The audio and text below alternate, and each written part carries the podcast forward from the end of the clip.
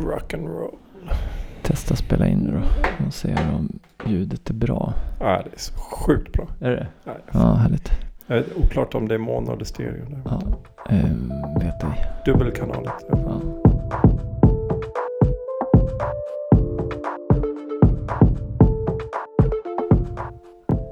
Nej, alltså, jag bara imponeras av hans tider där. Vadå han löparkillen? Ja. Andreas Almgren. Almgren, just det. Känner du till honom? Jag har uppmärksammat att han har slagit en massa rekord. Ja. Mhm. På en ganska spännande mängd distanser. Ja, det är helt galet. Jag, jag tycker han flyger ändå i idrottssverige generellt sett lite under radarn. Men vi är ju inte någon särskilt stor löpar. Nej, men Nation. desto större anledning borde det vara till att man verkligen plockar fram honom. Vilka, han, Anders Almgren då, han har ju svenskt rekord på 1500, 3000, 5000, 10 kilometer och halvmaran. Han sprang ju halvmaran här nu, det var ju rätt nyligen, eh, på 59.23. Så under timmen. Vilk, vilken av de här rekorden är bäst så att säga? Ja, det var ju svårt att säga. 13 och lem på 5000. Då utraderade han ju Anders Gärderuds gamla rekord. Men halvmaren under timmen, det är rätt kaxigt det också. Mm. Ganska Ja. rejält också. Jag har läst lite om honom. Mm. Ehm, han skulle väl satsa på 5000 i första hand va? på nästa Mm. OS-VM. Ja. sånt. Men kanske dubblerar 10 000 också. Mm. Och så läste jag att han körde samma träningsupplägg som de här norrmännen. Som jag inte kan namnet på. Vad heter Ja. det? Vad är det de gör? De kör väldigt mycket tröskelträning, Okej. eh, vad jag vet. Det, men det jag vet också det är ju att Norge var ju väldigt tidigt med det som det kallas för norska intervaller. Och skidåkerskan Marit Björgen eh, körde ju de där väldigt mycket. Eh, fyra gånger fyra då. Alltså fyra minuters löpning eller skidåkning då. Eller. Sen ska man ha ganska lång vila. Det är ända tre minuter. Och, och då, på Men de det är där fyra det inte- minuterna, vad, vad ligger man på Ja, för det, belastning? det, är det, det är inte, om vi ska ta det, det är lite högre än tröskel. Okej. Men det är ändå en konst att springa dem. Någonstans ska man ligga 90-95 procent av maxpuls. Så du liksom är över tröskeln, den så kallade mjölksyratröskeln då. Ja. Och det är ju när kroppen, när du inte har tillgång till syre, då blir det spjälkning och då bildas ju som biprodukt mjölksyran då. Och lite annat. Och det där är ju trixet i all sån här uthållighetsidrott. Det är ju att kunna styra den där mjölksyratröskeln så långt bort det bara går. Tröskelträning är att du ligger precis där det känns obekvämt skulle jag kunna Mm. beskriva det som. Mm. Ehm, Det ligger där, det är lite besvärligt. Men du får inte heller gå för fort. Eh, För då drar du på dig mjölksyran. Ja, De här 4 gånger 4 då, norska intervallerna, där ska du ju pressa den upp lite, lite över den där tröskeln. Okej, men ändå, men ändå, men ändå inte hysteriskt liksom. ja okej. Tröskelträningen har ju blivit väldigt populär vad jag kan se. Nu tränar jag inte på någon slags nivå men det är väldigt mycket som handlar om det och de har ju extremt bra koll nu för tiden på precis vilka mjölksyravärden de har. Jag tror. Im- Jakob Ingebrigtsen han berättade, han var ju tio år när hans pappa började ta eh, stick i fingret för att mäta mjölksyranivån, Tio laktatnivån. ja, Ja, Det var den barndomen. det var den barndomen, men så Ja. blev han bra också. Ja, ja, förvisso. Men Almgren här då, det är, det är ju makalöst bra. Mm. Vilka tider. Jag, jag, är, jag är otroligt imponerad. Det är en kul grej med löpning är ju att verkligheten är så skons, skoningslös. Så tillvida att man kan ju sitta och kolla på Federer eller, eller eh, landslaget i fotboll och tänka åh jag hade kunnat, hade kanske kunnat ta den bollen Ja. eller något sånt. Ja, Eh, vilket man ju inte kan. Nej. Men man kan ju tänka tanken. ja, Och sen kan man ställa sig på ett löpband på valfritt gym. Sätta den på max. mm, Flyga av den efter tre steg. Och sen förstå att då går det inte ens lika snabbt som de springer maraton. Nej. Då fattar man vilken extrem du skillnad det hinner handlar inte om. med 200 meter Nej, ens en gång. nej. Jag har kört på friidrotten med ungdomarna där och brukar köra att de springer 200 meter var eller kanske till och med 100 meter eh, var. Och så ska man försöka hålla världsrekordtempo. Mhm, mm. Och så, eh, de avlastar varandra? På, ja, de avlöser varandra Ja. då. Så att du kanske springer 100 meter själv. Mm. Om vi är många då. Mm. Så hinner du inte ens springa två gånger utan kanske en gång. Och det är, då, då får de en aha-upplevelse över hur fort det går. Mm. Varv på varv på varv. Ja, det är makalöst. men jag är lite jag är löpningsintresserad men Mm. inte alls på din nivå. Bara för att liksom göra någon slags avbön när, när det gäller ambitionsnivå. Men jag är ju som i det mesta lite intresserad av modeller och tankar och ambition och motivation. Och Mm. jag har pratat mycket med duktiga löpare. Sådana Mm. som dig som ligger på, har varit elit eller nära elit. Och, sådär. och den här insikten om att när, när du sticker ut på, låt säga en halvmara. Och du är tränad till max. Mm. Och det börjar göra ont efter en, två kilometer. Och då är det alltså Ja. 19 kilometer kvar. ja. Och, då, och då ska man ju dessutom öka lite grann efter ett tag Mm. också. Sådana som jag, och nu, och nu tror jag jag kommer att skapa en viss igenkänning hos gubbmaffian bland våra lyssnare. Vi vill ju inte att det ska göra så ont. Alltså det är klart att det kan göra lite ont. Ja. det, jag springer gärna intervaller till exempel, men de är ju roliga för de tar ju slut. ja? Och så vilar ja. man och så, och så tar man i och så springer man en till. Liksom. Men den där tanken på att ett helt lopp ska göra ont. Det, det, jag har aldrig lyckats ta mig in i den världen. Liksom. Jag, och jag vet att vi kan prestera mycket, mycket mer än vad vi tror. Mm. Att vi har mycket större förmåga att utsätta oss för extrema fysiska belastningar. Mm. Men, men jag klarar inte av det så som jag är. Alltså för att ta ett exempel. Jag sprang för länge sedan milen på 43. Ja. Eh, eh, och då tränade jag för springarna på 40. Mm. Så jag gjorde all träning för 40.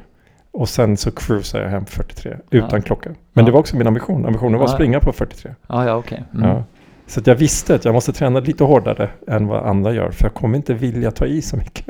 Förstår du lite grann? Du, du bara ler liksom. Det tycker jag är lite fjantigt. Ja, men smärta. är- Det är ju någonting med att man hanterar den också tror jag. Det gör ju ont på ett sätt men så är det ändå så det ska kännas. Jag vet inte hur jag ska förklara det bättre. Mm. Eh, Men det, Och- blir det en del av din flow? Ja, jag skulle kanske säga det. Ja, för det är inte, i min flow så känner jag ingenting. Jag bara glider liksom. Nej, men det, ja.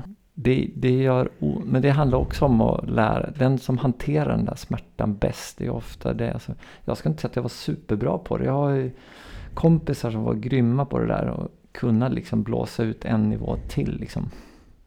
Jag började träna när jag flyttade ner här så eh, tränade jag med medeldistanslöparna här i Malmö då som var Richard Dirche som jag, några andra där som var duktiga. De hanterar ju smärta på ett helt annat sätt än vad jag gjorde också eftersom jag orientering ofta tävlingar timmen, en och en halv timme. Det blir en annan typ av eh, smärta då. Det är, det är inte den här mjölksyrasmärtan som Mm. de upplever. Mm. Och där märkte jag stor skillnad på deras förmåga och som jag imponeras jättemycket av det här att ta ut så mycket i varje intervall. Eh, kommer ihåg en som var lite före detta då som kom in och han sprang två intervaller och sen försvann han in i ett buskage vid, eh, vad heter den? Eh, Bloom, du vet Bloom in the Park, det är den Ja, restaurangen där. Försvann in där och så kom han ut och var helt likblek.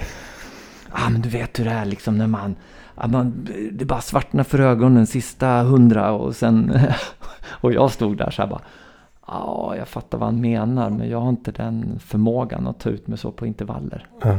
som han kunde. Svartna för ögonen. Ja, han bara gick in och kräktes liksom. Men då blir det en del av det. Så det är inte det att det gör ont så som jag tror att du föreställer dig. Ja. Mm. Ja, Ja, men jag jag, kan jag, inte jag, jämföra. jag är extremt imponerad. Jag vet inte om jag är extremt imponerad. Jag, jag, Fan, egentligen är det lite korkat faktiskt. ja. Men, men jag förstår ju att, att um, vi- vilket som sagt då löpningen visar så tydligt vilken enorm skillnad det är på en normal idrottsutövare och eliten. Um, och vilken enorm träning, vilken enorm grit som man säger på engelska liksom. Och, och uh, fokus och dedikering. Och, ja. Ja, det, det, finns något, av alla de timmar som ligger bakom. Mm. Har du sett Mästarnas Mästare? Inte på länge. Nu, ja men det var ju, det var ju någon Johanna Davidsson tror jag. En äventyrare. Och ja, men då var det något avsnitt här så var det Tony Rickardsson om hans karriär. Och den är ju lite mer, det blir lite mer den klassiska liksom idrottarkarriären. Att det, mm. ja, men det har varit motgångar, medgångar och det är VM-guld och det här. Men hon, hennes prestation som hon valde att visa var ju när hon gick till eh, Sydpolen. Mm. Ensam. Mm. Ja, du vet, alla satt med i, då när de har den här mm. kvällen där. Alla mm. de andra satt ju med tårar i ögonen liksom över hennes prestation. 38 dygn i det iskalla helvetet liksom. Ingenting. Och stormar och skit och hennes tve, tvekan om hon skulle klara det. Och, men och hon var helt hon, själv? Ja, hon var helt själv. Hur dokumenterades det då? Ja, hon hade en okay. kamera med sig. Ja. Och sen så sov hon i tält? Och ja, så... hon slog upp sina tält. Och... Det jag satt och funderade på var om det fanns rescue teams med henne. Hon höll på att förfrysa låren och vad fan skulle hon göra? Det, det, det framgick inte om det var rescue team på något sätt med mm. bredvid. Men mm. vilka insatser alltså. Mm.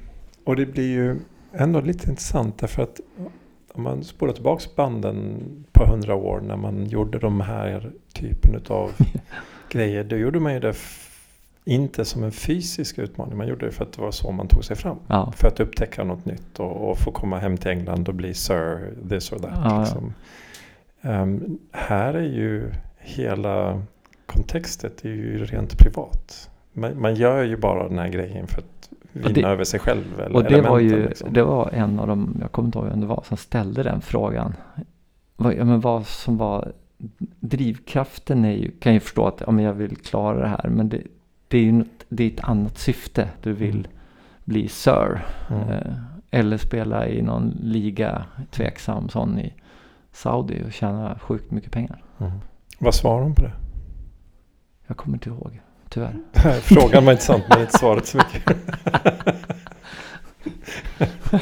ja, oftast, är så, oftast är det så. Ja. Ett bra samtal fram, består av bra frågor. Ja, Svaren inte alltid Och framförallt här. det här borde, borde inte heta Ingenting-podden. borde typ heta Halvpodden. Halvpodden ja. Det var halvdana samtal. ja, som vi knappt, det kommer aldrig till någon slutsats. Men, Vad tänker du på då? Ja, men, eh, jag tänker faktiskt på någonting. När, när vi, du och jag käkade middag där eh, och, och pratade om om vi skulle göra en podd eller inte. Mm. Så kom ju min 16-åriga dotter och började jag vet inte, jiddra lite med oss och skratta. Och, och käka krögarpitten som hon tyckte var helt galet bra. Ja. Istället för din risotto. Ja, precis. Ja. Um, och gjorde sig ganska lustig över oss. Ja, vem som skulle lyssna på oss. Och Eh, men jag ska komma tillbaka till henne. För att ja. det jag tänkte på i, i helgen var att um, hemma hos oss så sätter min Emelie då, min sambo, gärna på uh, P4 är det då. Ring så spelar vi. Mm. Lite i bakgrunden då. Ja. Och, um, och så plötsligt så, så slog det mig då, ja men det här är ju ett trevligt program som säkert spelas i någon miljon svenska hem. Mm. Liksom, mm. Live. Och, och sen så får man ju önska en låt. Ah. Och sen så börjar jag fundera över, undrar om ungdomar idag förstår varför man önskar en låt? Nej. Nej. För att jag menar idag finns det ju överallt. Varför och du behöver inte ens betala. De, de... Du kan ha ett gratis abonnemang på Spotify. Ja, du har tillgång till alla låtar. 90% av världens skivkatalog. Ja. Liksom. Um, och så började jag tänka lite på hur den världen egentligen var. Um, för då, då var det ju, de flesta hade ju inte en massa skivor. Nej. Och även jag då som hade jättemycket skivor och la mycket pengar och mycket tid på det. Det var ändå bara en promille liksom ja, av vad plus, du ville ha. Plus att det, det var ju mycket mer, skivbolagen hade ju liksom ett system. När en skiva skulle släppas då släppte man ju först en singel. Mm. Den singeln började de ju spela på radio och MTV innan den gick att köpa. Ja, ja. Du måste ju bygga upp lite excitement Ja. och sådär va. Ehm, och, och då fick man liksom lyssna efter den på radion och så till slut så kom det till skivbutiken och då fick man ju köpa singeln.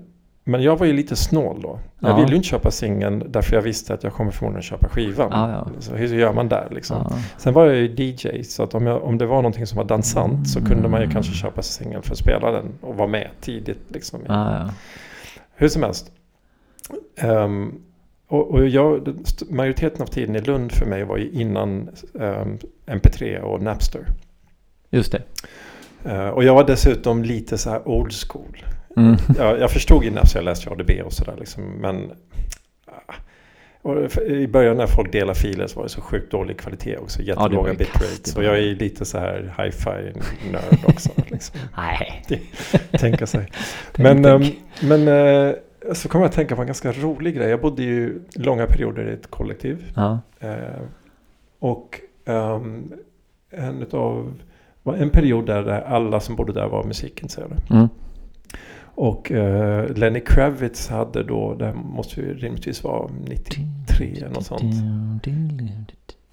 Ja, släppt Man när säger- Are You Gonna Go My Way. Ja. Eh, och det här var ju hans tredje skiva. Den andra skivan tyckte var jättebra men den hade ingen sån hit på. Men den här förstod man, okej här Här kommer, kommer en hit. Liksom. Och vi tyckte den var så fruktansvärt bra. Och vi hade varit ute och, jag vet inte, som man, som man gör. Varit ute och druckit öl och sånt. Kommer hem och så sitter vi och slötittar på MTV som man då gjorde. Och för nytillkomna tittare, MTV var en gång i tiden en musikkanal som Ja, spelade musikvideos Ja. nonstop. Ja. Ehm, och ehm, så började vi tänka, fan, undrar om uh, Lenny Kravitz kommer liksom. Ja. Eh, och sen så, ja, men, klockan var väl halvsent, jag vet inte, 12, 1, något sånt. Eh, vi, var inte precis sådana som gick och la oss tidigt. Och eh, så säger vi plötsligt, nej, jag går inte och lägger mig förrän de spelar Are You Gonna Go Away. Okej. Hur länge satt ni uppe? Ett Till halvår? Klockan, till klockan sju. Nej. Ja, Så helt plötsligt bara så kommer introt. Så tittar vi bara på varandra och sa godnatt, ah, godnatt. godnatt. ja, det var ju... Ja men det var ju sånt man gjorde då liksom. Ja, Eller sånt jag gjorde då. ja, det är därför ringde man till Ring så spelar vi. Exakt. För att få lyssna Ja, det där är ju varandra. absurt. Mm.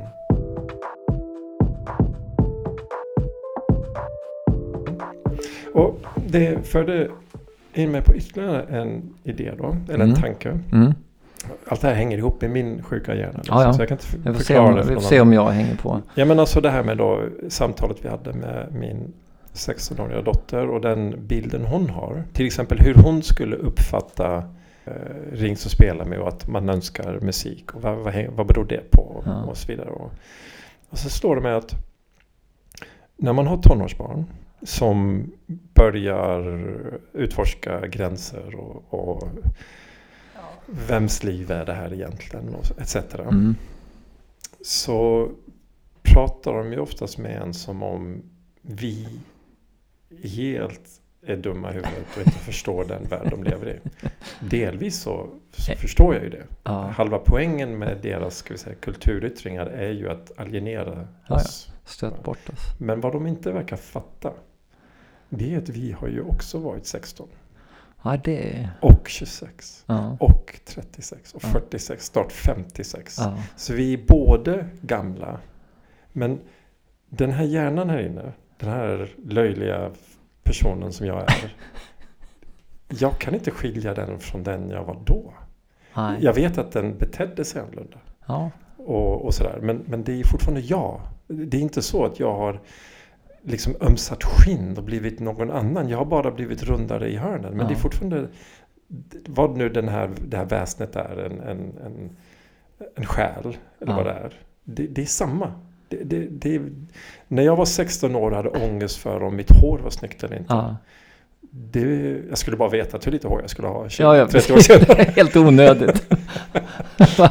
Men, men jag försöker, när jag tittar på henne ibland så tänker jag att du, det är synd att de inte förstår. Att vi faktiskt förstår hur det är Nej. dem. På ett sätt. Nej, jag håller med. Och de kan ju aldrig förstå hur det är vara vi. För Nej. det är mycket svårare att, att försöka sätta sig in i en person som är 40 år äldre. Ja, nej, det, ja. Men är jag tänker för egen del så är jag gärna 16-17 år. Men då vill jag vara det med andra 50-åringar som Ja. är 16-17 ja, ja, ja, ja, absolut. Egentligen så jag har hamnat några gånger i, och man gör det ibland som, som chef, kanske inte med 16-17-åringar, men att man men- umgås med personer som är väsentligt yngre än vad Ja. man själv är. Och så kanske det är någon så här julfest eller, eller något socialt sammanhang och så ska man man går lite grann ur sina arbetsroller. Det är Ja. klart det handlar ju delvis om det. Liksom, att Ja. avslöja vem man är. Eh, jag är inte helt bekväm med det och jag är inte Aj. säker på att man ska göra det. Nej, i de lägena är inte jag heller det. Mm. Jag har lärt mig krabbdansen. Kan du den? Nej. Det är att man krabbar ut längs en vägg. Jaha, okej. Ja, precis. Nej, jag är Ja. kanske lite tråkig där men jag, jag känner också att det, jag vet inte varför riktigt. Nej. Inte så att man är för fin, men det, nej, jag vet inte. Nej, jag tycker också det är bättre att hålla sig borta. Det, är liksom. respekt för dem. Så jag krabbar Vem- vem ut så får bli- de härja. Nej, men vem vill bli kanske en aningen berusad Ja, inför chefen? Liksom? Man vill ju Ja. att de ska ha kul, vad, vad de nu ska göra kul. Exakt. Liksom, och fritt och sådär. ja, den där är ju...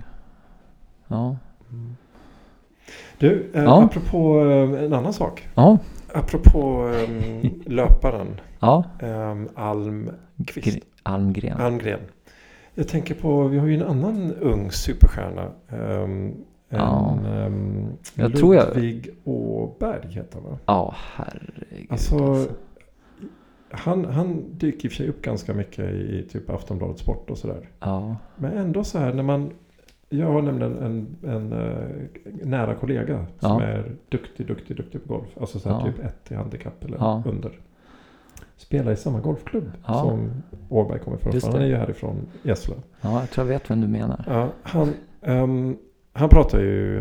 Han följer ju Ludvig. Varenda steg. Ja, varenda steg. och då när man, eh, eftersom jag då har tillgång till den kompetensen. Mm. eh, Så förstår jag då att i, i, i USA så skriver man ju om Ludvig i samma termer som man en gång skrev om Tiger. Ja, men jag, Alltså, de så kallar för generational golfer. ja, nej, men jag, eh, jag har också, jag tror inte jag heller riktigt har förstått hur stor han är. Eh, Men det han har ju varit på och PGA-touren i nio månader. ja, Och han är ja, men- världselva. ja, nej men han har gjort någon slags jätteovanlig sensation. Ja.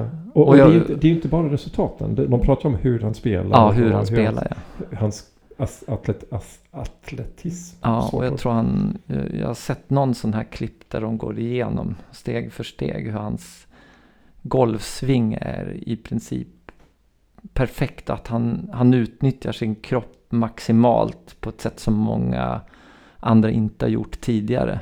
Får tydligen en, det här, hur långt händerna färdas gör ju också att du kan Mhm. få upp en högre hastighet i handen. Mm. Och det vet jag man pratar ganska mycket om i även i tennis också att du måste liksom du måste ha en rörlighet i kroppen för att kunna få fart på racketet genom en, liksom en längd också. Sen har ju de lagt på en väldig snärt också. Och han jobbar ju väldigt fint med kroppen. Jag tror det är någonting, det här kan säkert någon annan förklara bättre, men det är någonting med hur han rör, eh, får rörelsen i höften och knän också. Och blir liksom optimal.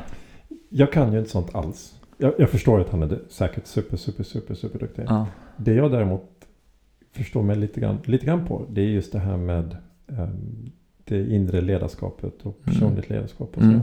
och att se en så ung person som bara plötsligt står på den här världsscenen. mm, Hur han beter sig när han ska vinna sin första tävling. mm, Sin första PGA-tävling.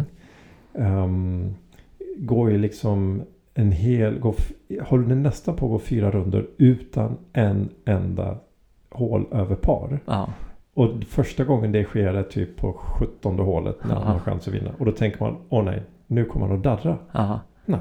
Går han ut och så slog han birdie hålet efter. Alltså Ja. som om det inte spelar någon roll för Ja. honom. Liksom. Han, han verkar inte bry sig om var han är. Hur viktigt det är. Vad som ska avgöras. Han bara spelar golf. han bara spelar. Ja. Det tycker jag är väldigt intressant. Ja, det är det. Och det, det är väl det som kännetecknar de här största och bästa också, tänker jag. Mm.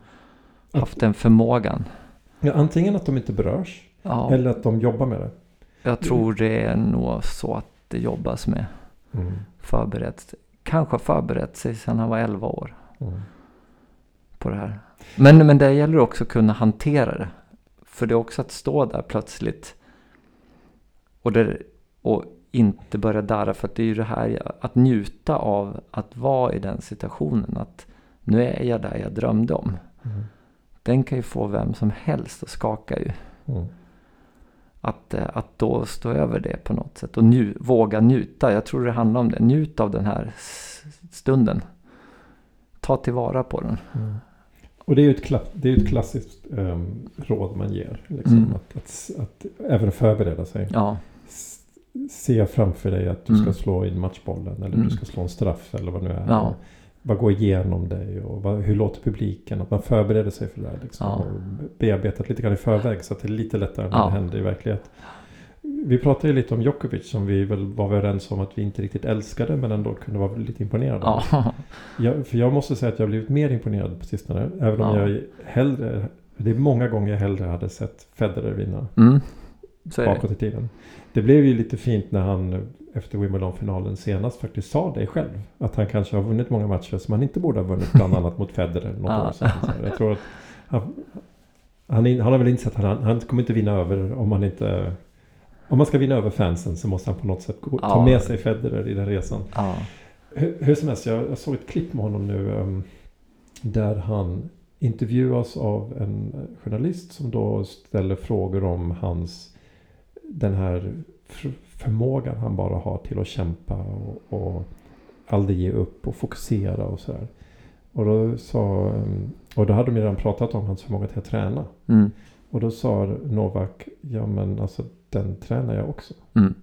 Det är ingenting som bara Nej. finns. Ja, det, och det tror jag tusen procent på. Och han pratade om att det finns, för han fick då, du ser så cool ut. Nej, nej, nej. Inombords så är det Kaos. alltså, totalt storm. Ja, Men sen så lägger jag energin framåt, fokuserar framåt. Och till exempel att han oftast när han mötte antingen Nadal eller Federer så var ju publiken med. alltid med de Motståndare. andra. Ja. I hans huvud så tänkte han tvärtom. Ah. När, när han hörde hejaropen så bara bestämde han sig att det de är till var, mig. Exakt. Och så bara Smart. gjorde han det till hans. Och så tänker man bara, alltså.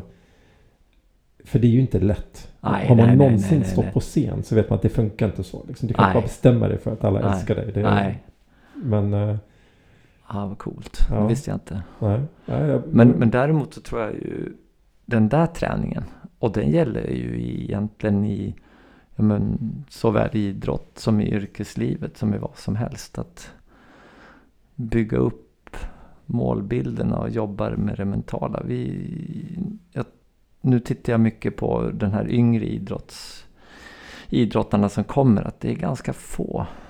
Och, det, och det vill, vi lägger också som tränare, coacher ganska lite tid på det i förhållande till den fysiska träningen. Vilket jag kan tycka är synd. Men man måste också vara mottaglig för den. Och i yngre år så är det få som är mottagliga. Det är som att man inte hajar grejen. mm. Man tror inte riktigt på det. Ehm, men eh, ja, den är svår. En utmaning. Man skulle få in den på något naturligt sätt i, i träningen. Nej men det blir det ju inte. För att om man är fruktansvärt begåvad på någonting. Mm. Förmodligen så är man ganska själv om att vara det just där man bor. Mm. Och då har man det väldigt lätt. Ja, Och sen handlar det om vad som händer när du väl börjar möta andra spelare som är Exakt. lika bra Ja. eller bättre. Vad händer då? Ja, jag har ju jag har, jag har en liten egen erfarenhet som jag försökte säga till mina barn. Att jag, om det är något jag ångrar så var att jag inte lyssnade.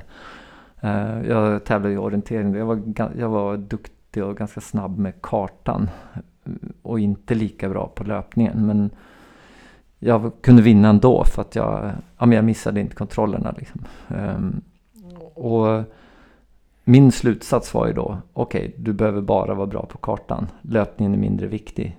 Och jag hade en, eh, en tränare i klubben som hela tiden tjatade om det här med löpningen. Jag tyckte han hade fel. Mm. Jag har ju efterhand fått erkänna att jag skulle ha ägnat betydligt mer tid tidigare till löpningen. Mm. Att utveckla den. Mm. Så det, och det där, men det är svårt. Hur ska man, jag, jag, jag brukar ibland tänka så här. Hur skulle jag övertygat mig själv som 16-åring? Du vet själv hur det var när som du började Ja, med, med din dotter. Där man är. Det hör till sakens natur. Att någon som är äldre, eh, den har man liksom, ja men du har fel, jag har rätt. Precis. Ja, men det, det lärandet som man tar till sig är ju det som skapar egna insikter. Mm. Som man sen omsätter i Ja. någonting. Och en, en vuxen eller en, en mentor måste ju tillämpa ett coachande. Ja, Och med, man ska vara försiktig med ordet coach för att det, alla pratar om coachande Ja, ja. ledarskap. Men det finns faktiskt en, eh, ett hantverk kring coachande Ja, ja. som just handlar om vilka verktyg man använder i ett samtal med en Ja. person för att få den personen att säga det som du själv redan Ja. vet. Alltså du som coach vet det, men du kan inte säga det. Det Ja. handlar inte om att berätta för dem ja, att du borde träna mer löpning. nej. Det handlar om att få dem att säga det. Ja, ja, exakt. Och det ska ju tilläggas det då att jag, det här var ju, jag bodde i Umeå. Så det var väl mycket där som det här funkade. Sen när man tävlade mer söderut, ja men som Skåne där det är en helt annan typ av terräng så eh, märkte jag ju det eh, ändå. Men ja, det gick ändå att hålla sig lite skyddad från det där. Mm. Men ibland blir man väl inspirerad tänker jag. Ehm, Du berättade någon gång för mig för länge sedan, vi jobbade ihop, att du hade varit på någon tränings... Nej, du hade varit på någon EM och sprungit mot några portugiser som sprang jämt med dig förutom när de sprang nerför. Ja, du, bara du, du har halvt rätt. Det var Polen. Polen, ja, okej. och några polacker. De var sju, det var junior-VM 94. Och då, de var, hade brutala tider i utförslöpningarna. Där är väldigt ganska kuperat. Upp, Mm. Mycket upp och ner hela tiden. Man kunde se det sen. De var sjukligt snabba på ren utförslöpning. Och det handlar ju egentligen bara om mod. Men det var ju så uppenbart att de hade de kände till den terrängen och de hade tränat i den och hade då visste att här fanns tid att tjäna. Och det är ju, titta på en sån som Kläbo, eh, Mm. hur han hanterar skidorna när det kommer till utförskörning. Helt plötsligt plockar han ju 10 sekunder och med minimal ansträngning. Det är så bra uträknat av honom. Mm. Och han har ju förmodligen tränat det ofantligt mycket mer än alla andra. Mm. Ta de där enkla metrarna när det kostar som minst. Mm. Det är så smart. Men det är intressant för jag, jag gillar ju utförsåkning och utförsåkning handlar ju också om att hitta någon slags förutsägbarhet i pisten, snön, Mm. eh, isen som man Mm. oftast tävlar på. För att även en väldigt duktig skidåkare, långt bättre än dig och mig, måste också kunna stanna någon gång. Eller hur? Det låter som... Ja, men ja, det är som ba, bara för att de nu ligger i snitt 110 km i timmen nerför Hanningkannen ja. betyder inte att de när som helst bara kan stanna. Nej, nej. Nej, utan de, de åker ju så fort för att de Ja. vet att gör det rätt så kommer jag ner till botten och Ja. där kan jag stanna. Ja, Så den förutsägbarheten måste finnas. Så det, du åker ju aldrig, inte ens de åker ju så fort för en backe de inte har koll på. nej. Nej. nej Men det kan du göra på en motorväg i en bil. Du kan ju ligga 110 km för Ja. du vet ju att den här motorvägen är byggd för att vi ska ligga 110 km. Ja. Ingenting kommer hända. Ja, Högst sannolikt. Liksom. ja. Medan skidåkning, att prestera, att köra fort, oavsett om det är pucklar eller i nerför brant puder eller alltså att verkligen åka störtlopp förutsätter att du vet att du har perfekt sikt ja. och du vet exakt vad som finns bakom ett gupp eller Ja. någonting. Liksom. Det ser ut som man tar en risk men en stor del av det man upplever som farligt från sidan den är ju redan hanterad Ja, av utövaren. Liksom. ja, ja. Man ser ju hur de har gått igenom. De vet Mm. precis Mm. varenda detalj på banan. Mm. Ja du Patrik. Vad- Tiden, tiden går faktiskt. Säg inte Jag har det. ju inte startat en klocka men eh, Nej. jag ser på våra takter här. De börjar närma sig 12. Mm, ja, ja, kanske. kanske. Mm. Ja men du har något mer på lager ser jag. Ja, men jag har... eh, jag får fundera på Har du saker. massa bullets? Ja, jag har bullets. Bullets, I'm the bullet man. Ja, men jag tänker lite grann på, vi, vi pratar ju om eh, metaforer och lagsport. Mm. Jag såg en intervju med en baskettränare Mm. som med sitt lag pratar om det faktum att ungefär 5% av den tid du spelar match Ja. kommer du ha bollen. Ja. Hur mycket det- har fotbollsspelare? Ja, det, det, det är samma sak för många. Eh, Kanske ännu mindre med Så fotbollsspelare som gör man är du fler ut- på plan. Hur mycket tränar du utan boll? Vad är det du gör resten av tiden? Ja, För det vi tränar, det är ju bollen. ja. Ingen vill gå på träning och inte ha en boll. Nej, nej. Eller hur? Men när du väl spelar match så är det ju allt annat du gör. Ja. Eller ni gör tillsammans. Ja. Ni tio som inte har bollen. Ja, vad gör Vad är det ni gör? Och samma sak sen när man gör, gör mål. Så firar vi ju målgöraren. Ja, Målskytten. Mm, Men, men allt annat då? ja. Som Allt som har hänt? lagt upp det till. Precis.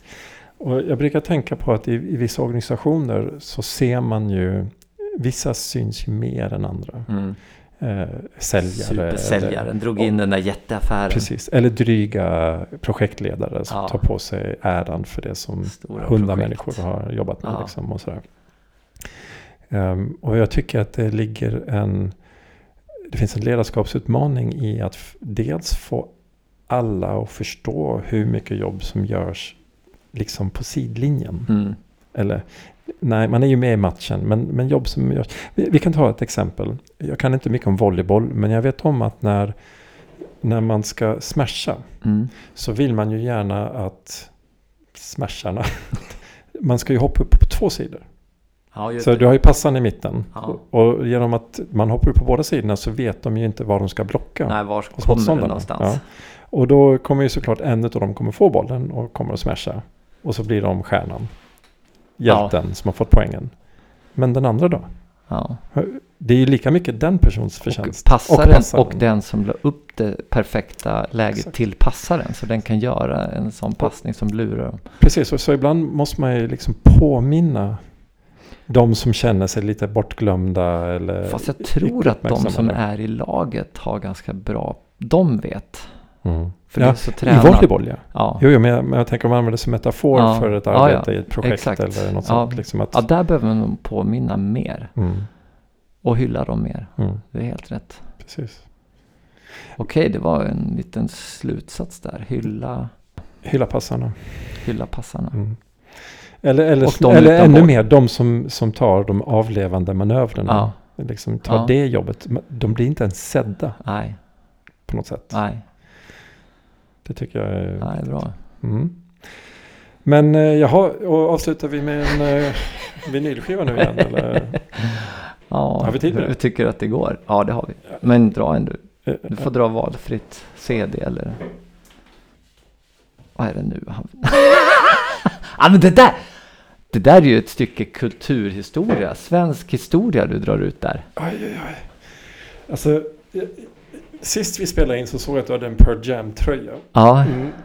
Jag tror bara att det är någonting du har som är lite imagehöjande. För Ja. här, här har jag dragit ut Magnus, Brasse och Eva. ja men det där är kult. Fler myror och elefanter. Va? Den heter bara det. Fler med fler myror och elefanter. Det- Är det någon slags uppföljare? Det är dubbel... Är det, det är Nej, dubbel... det är inte en dubbel. Det bara... Nej, men det där med utvik på... Mm. Den där ska vi... Vänta, vänta här. Ja, ja, men jag håller med om. Jag Jag, hade gärna ta, haft jag ska ta en liten bild här till Ja. vårt häftiga Instagram-konto. Nu lutar sig Greger fram här, försvinner från micken. Vant så använder han telefonen. Alla bokstäver och det där är ju utbildning för barn. Men vet du vad som är utbildning för barn? Det, jag lyssnar ju på vinyl hemma. Ja, Så att um, just uh, Debbie, 16-åringen, jag, får jag kolla? jag satte på en skiva. Så stängde jag av förstärkaren. Mm. Och sen så bad jag henne att luta sig fram Mm. mot nålen. Ja, Och så gjorde hon det. Och sen bara såg hon helt förvånad ut. För det är en nål. hon kunde ju höra musiken Ja, i nålen. Och så skulle hon på något sätt, just det. var kom den ifrån? Liksom? Mulliga, malliga, mysiga bokstaven M. Men du kollar musikerna. Janne Schaffer, Jojje Wadenius. Det är inga dåliga. Nej, På piano, Anders Ekdahl har jag inte koll på. han kanske kunde Ja, några ackord. ju... Kan du någon av de här låtarna? Men du glömmer ju bort min, eh, min, ehm, Din image? nej, min, min osvenska. Ja, just det, just det. Ja, nu vet jag ju vilka de är. Magnus, Alltså, Brasse och Eva. Ja, absolut. Men eh, det är ju inte Ja. så att det är inpräntat i... I din, Nej, i ditt DNA. inte, inte alls. Vi ska se här. Ja, ja, det här var kul att den här kom fram. Mm. Jag tänker ju så här, vi, vi är ju uppe i, vad sa vi, tionde, elfte avsnittet. Ah, ja, det Ska- kommer vi få Du upp någon rockskiva? nå- du- Kommer det bli någon rockskiva någon Ja, gång vi får du? se. Det kanske blir någon. Jag inser ju. jag inser att min image. Tur att din image är mycket mer jordad och grundad än vad min är. För mig hade det hade- varit en katastrof. Du hade ju svimmat alltså. Om det, Jag hade krävt att vi klippte ut allting. men det står inte vilket år den här är ifrån. Jag var faktiskt Det är tidslös. nyfiken. Den här är ju nog garanterat mina föräldrar köpt någon gång. Mm. Ja. Fantastiskt. Ja, väldigt fint. Ja. Mm. Nej men eh, vi får väl avsluta så Ja, men det tycker jag. Vi, ehm, det känns faktiskt fint att vi landade i en barnskiva. Ja det tycker jag också. Med tanke på att vi har haft lite barnfokus. Ja. Så barnet bra. i mig säger hej på dig Greger. Hej på dig.